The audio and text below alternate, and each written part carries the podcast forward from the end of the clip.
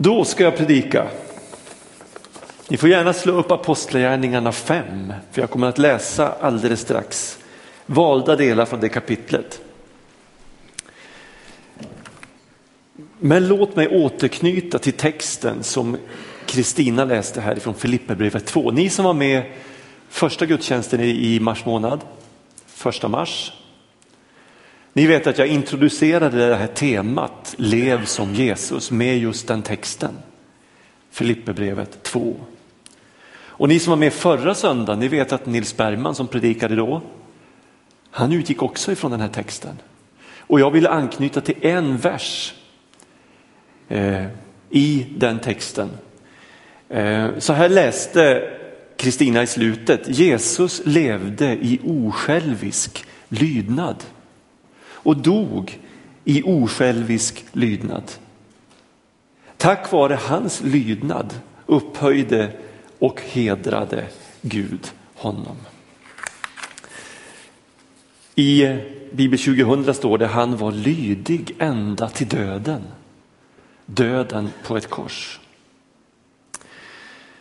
Om vi sen går till Apostlagärningarna 5 så står det att från vers 12. Genom apostlarna skedde många tecken och under bland folket.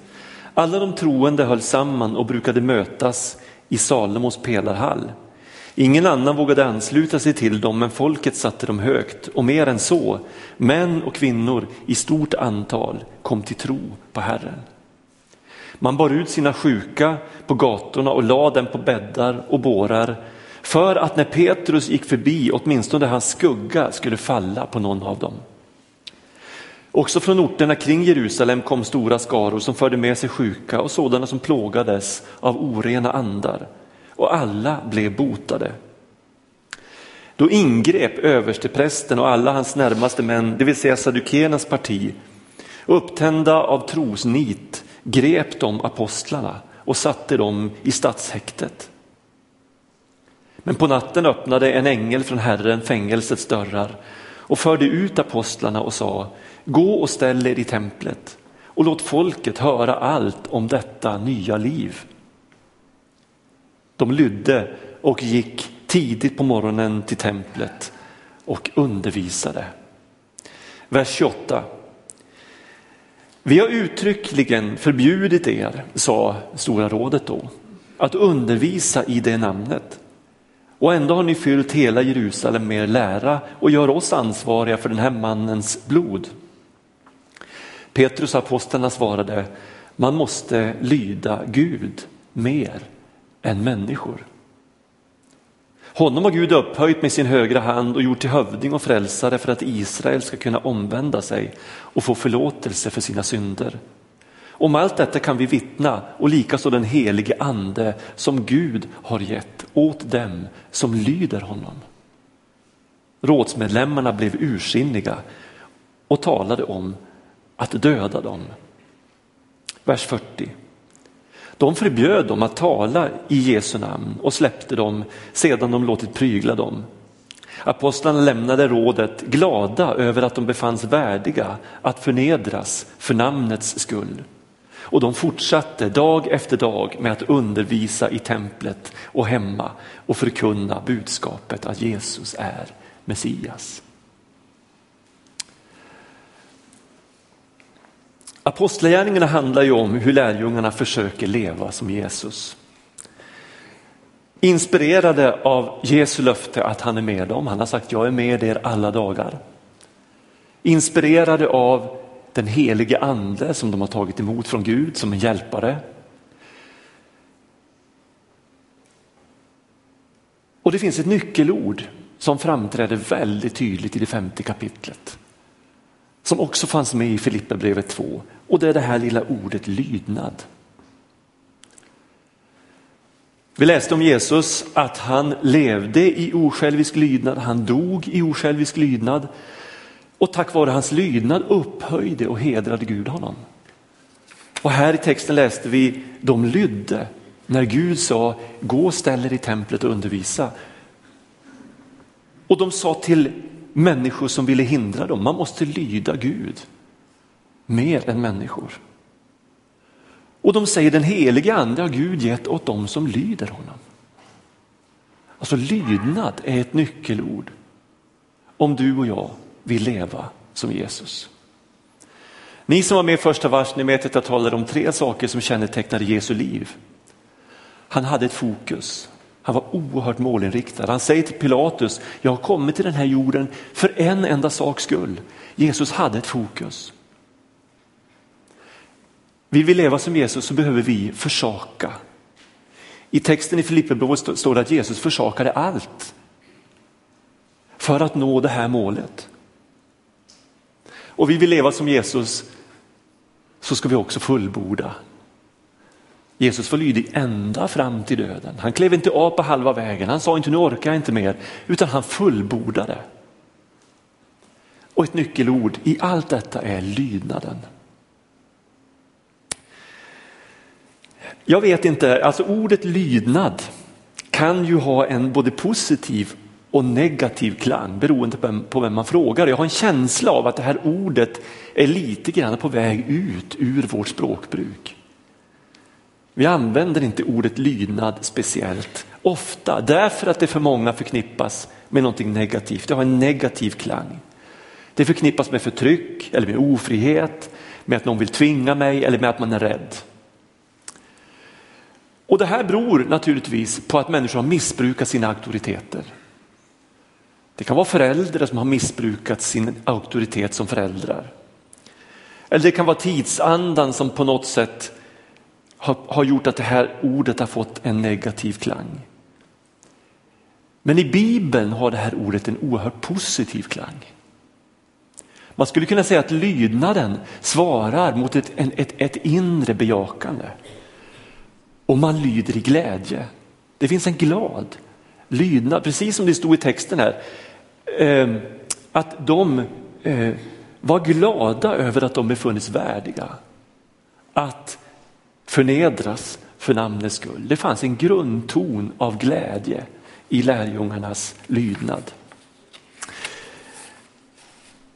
Och det här möter vi hos Jesus. Han var lydig ända till döden på ett kors. I Hebreerbrevet 5 läser vi under sitt liv på jorden uppsände Jesus höga rop och tårar och böner till den som kunde rädda honom från döden och han blev bönhörd därför att han böjde sig under Guds vilja.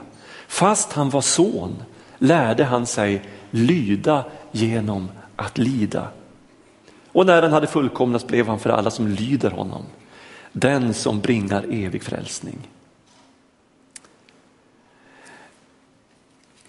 Lydnad finns med som en grundläggande ingrediens i, i den, den harmoni som kännetecknade skapelsen före syndafallet.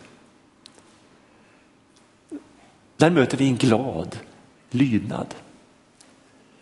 Av alla andra träd säger Gud får ni fritt äta, men av kunskapens träd på gott och ont får ni inte äta. Alltså Gud är oerhört generös.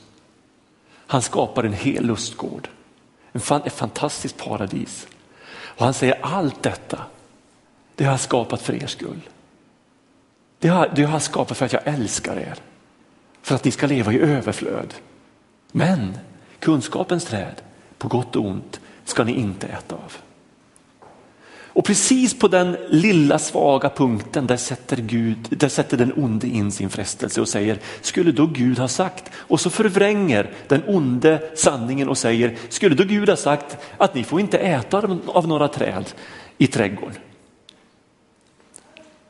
Och så sår han någonting i de första glada, fria människorna. Att Gud skulle vara snål, att Gud på något sätt skulle missunna dem. Att Gud skulle vilja utnyttja dem. Och så faller mänskligheten och äter av detta enda träd som man inte fick äta av. Och man blir olydig mot Gud, man förlorar sin glädje, man förlorar sin frihet och man förlorar paradiset, man förlorar trädgården med alla dessa fantastiska gåvor som Gud har gett. Sann lydnad bygger på kärlek och förtroende. Får jag ta ett exempel med, med, med familjen? Min fru Lisa och jag, vi har haft glädjen att fostra och forma och, vara föräldrar till tre barn, två pojkar och en flicka. De är utflugna nu så nu, nu har vi på många sätt gjort vårt när det gäller våra barns eh, fostran. Och jag kan säga, och jag, jag tror att vi delar det här med, med, med, med andra föräldrar. Vi, vi både förväntade oss och önskade att våra barn skulle lyda oss. Och det var inget konstigt med det. Utan vi, vi, vi, vi vill inte tillfredsställa någon form av maktkänsla utan vi ville bara att vi älskar dem och vi vill deras bästa och då hoppas vi att de vill lyda oss. I någon sorts förtroende och utifrån att vi älskar dem. Ehm, vi älskar dem över allt annat på jorden. Det vet ni som är föräldrar, hur oerhört nära barnen kommer ens hjärta. Vi vill att de lyder oss därför att de har förtroende för vår kärlek, att de förstår att vi vill deras bästa.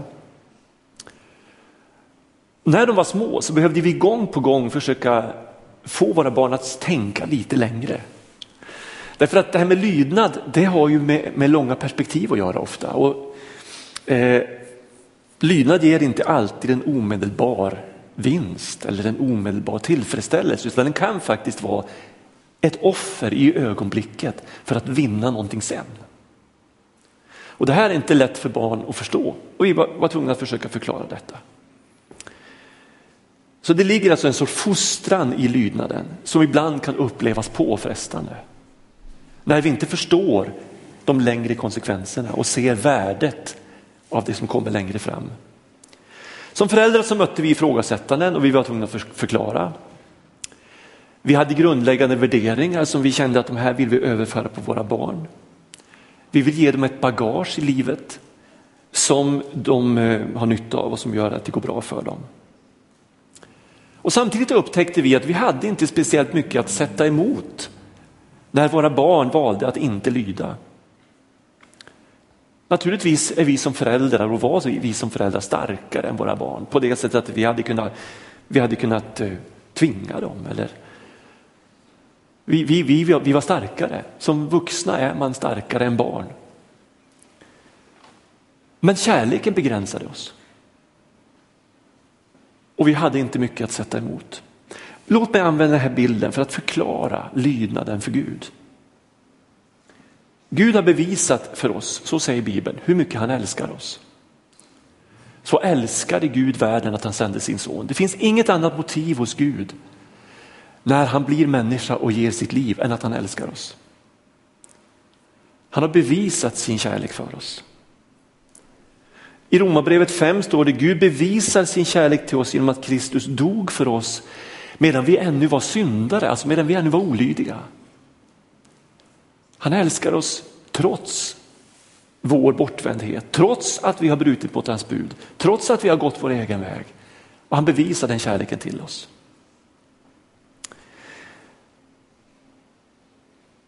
Alltså grunden för Guds förväntan på oss, att vi ska lyda honom, har med denna kärlek att göra. Han älskar oss över allt annat. Han vill vårt absolut bästa. Bibeln säger att han ger bara goda gåvor. När jag nu har använt den här bilden, låt mig bara förklara att den naturligtvis haltar därför att Gud är fullkomlig, vi är inte fullkomliga. Ibland när vi sätter gränser och när vi satte gränser, jag och min fru, för våra barn, så var våra motiv ibland uppblandade. Ibland kanske vi bara var bekväma och ville att våra barn skulle lyda oss för att det skulle gå lättare att få vardagen att fungera. Ibland kanske vi var på dåligt humör och, och satte gränser och, och, och, och ville att våra barn skulle lyda oss därför att vi var irriterade och inte i full balans. Vår kärlek binds ibland av detta att vi är människor med fel och brister. Och vi handlar inte utifrån en ren och äkta kärlek, även om vi kanske vill tro det och försöker. Vi är ibland dåliga föräldrar, vi är ibland själviska föräldrar. Vi kanske till och med ibland utnyttjar våra barn i olika sammanhang för att förenkla livet och tillvaron. Vi kanske sårar våra barn. Vi kanske skadar våra barn genom att vara inkonsekventa och barnen vet varken ut eller in. Vi är alltså bristfälliga. Det är inte Gud. Vi kanske frestas att tro att Gud är som vi. Och ibland kanske vi tycker och tänker, vill Gud göra det surt för oss? Vill han verkligen förstöra och ödelägga våra liv?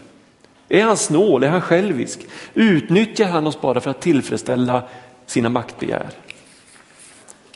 Låt mig säga, tro inte ett ögonblick att Gud är sån, bara för att vi ibland är sådana. Han är inte som vi i vår begränsning. Hans motiv är aldrig grumlade. Hans kärlek är aldrig kluven av synd. Utan han vill oss bara väl och han vill bygga en grund i våra liv som gör att det går bra för oss. Vi däremot, vi är som bångstyriga barn. Vi ifrågasätter, vi är olydiga. Vi märker hur enkelt det är att trotsa Gud. Hur lite Gud egentligen har att sätta emot när vi väljer att inte älska honom tillbaks. Och i det korta perspektivet så kan det till och med synas som att olydnaden ger mycket mer vinst än vad lydnaden skulle göra. Men det vi missar när vi vänder ryggen och går vår egen väg, det är att vi ser inte sorgen i faderns ansikte när han ser oss gå bort. Han vet att vi får skörda, inte i första hand hans vrede, vi får skörda olydnadens frukt. Syndens löd är döden. Synden straffar sig själv brukar vi säga.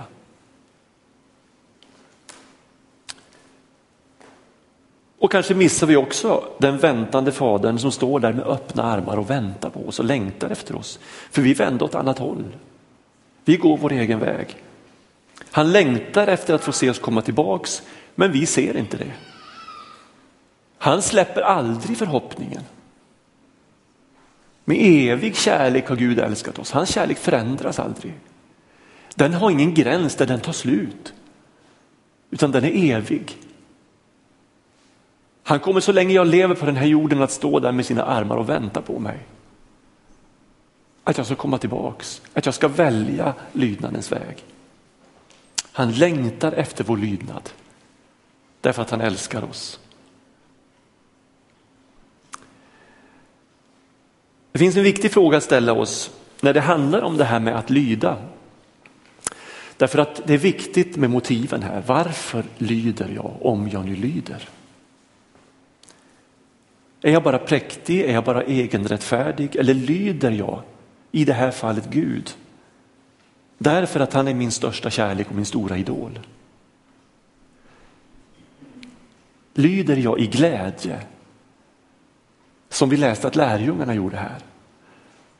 Är glädjen min stora drivkraft? Glädjen över att vara älskad av Gud, att vara ett Guds barn. Och därför lyder jag.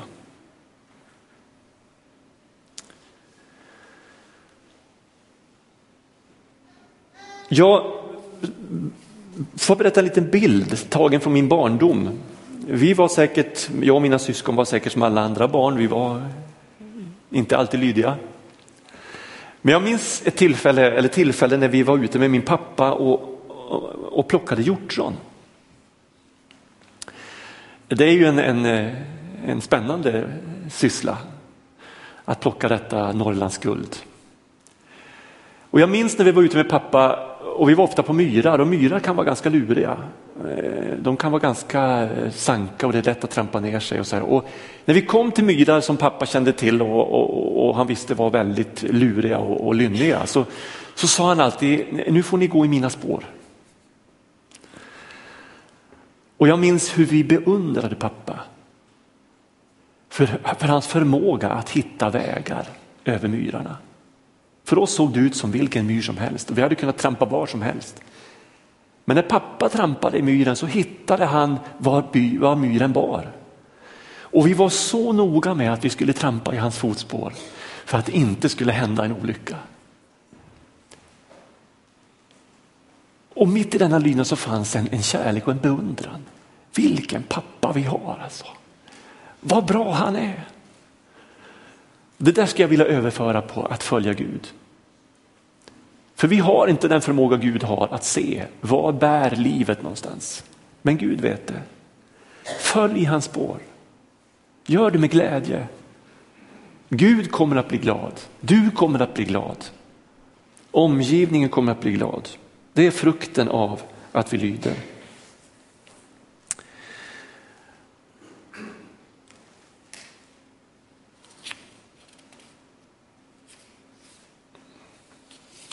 Jag hoppar lite grann här för att inte bli för långrandig. Apostlagärningarna 5 visar på ett tydligt och gripande sätt den här lydnaden i praktisk handling.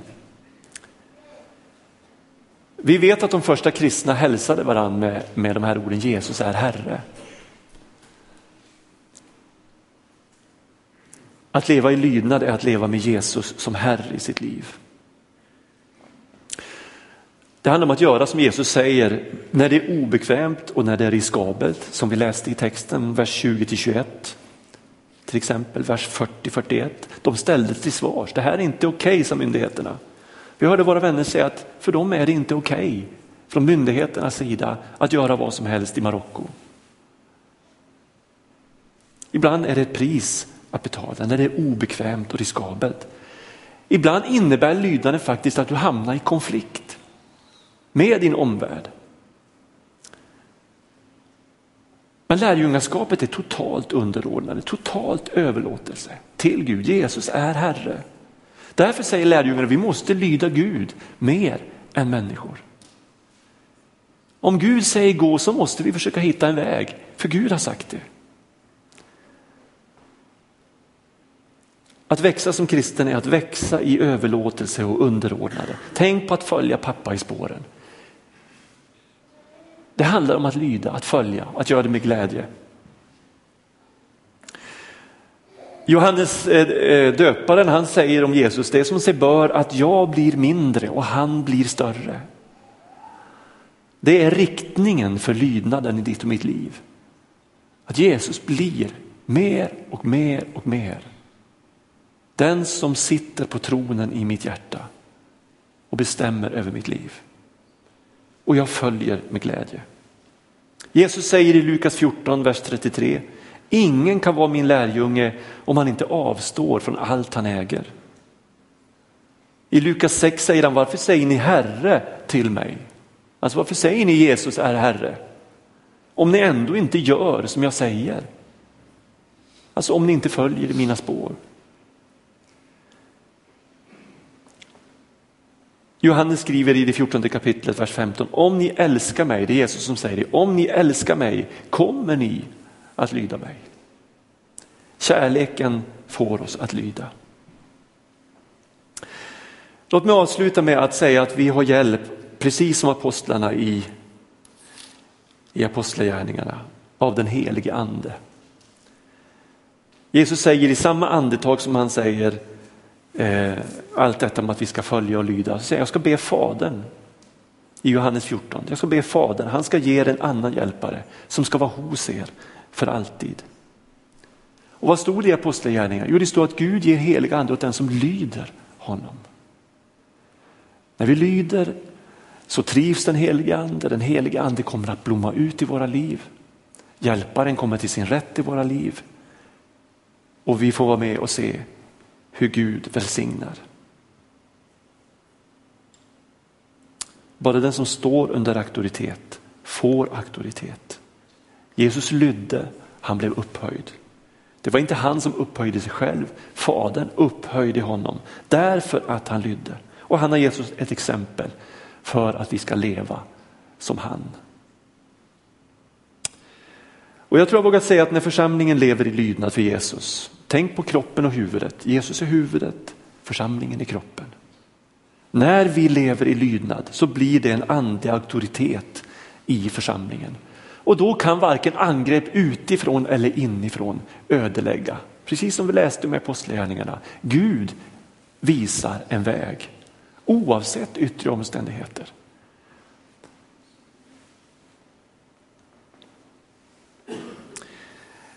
Jag kände jag ville tala om lydnad idag, även om det är ett svårt ord. Och min förhoppning är att vi ska börja längta efter att lyda Gud och förstå att det kan ha i allra högsta grad med glädje att göra. En glad lydnad. Därför att jag har förstått hur mycket jag är älskad av Gud.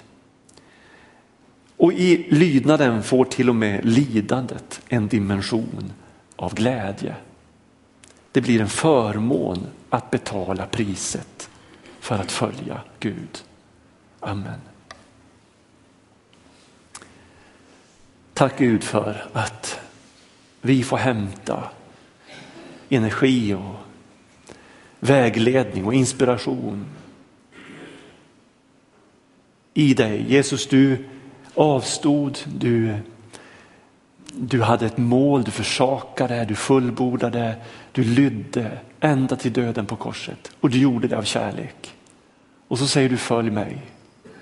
Tack att vi får följa dig och jag ber att du ska hjälpa oss att inte vara de där bångstyriga barnen som ifrågasätter och, eh, och, och, och, och gång på gång trampar vår egen väg utan att vi blir noggranna med att följa dig. Och att det får bli en glädje för oss att lyda dig. Herre, jag ber att du ska forma oss som församling så att vi får den auktoritet som den här världen behöver för att eh, finna vägen in i framtiden. Jag ber Herre att du ska hjälpa oss att gestalta ditt rike i Lidköping 2015. Tack att du känner oss var och en.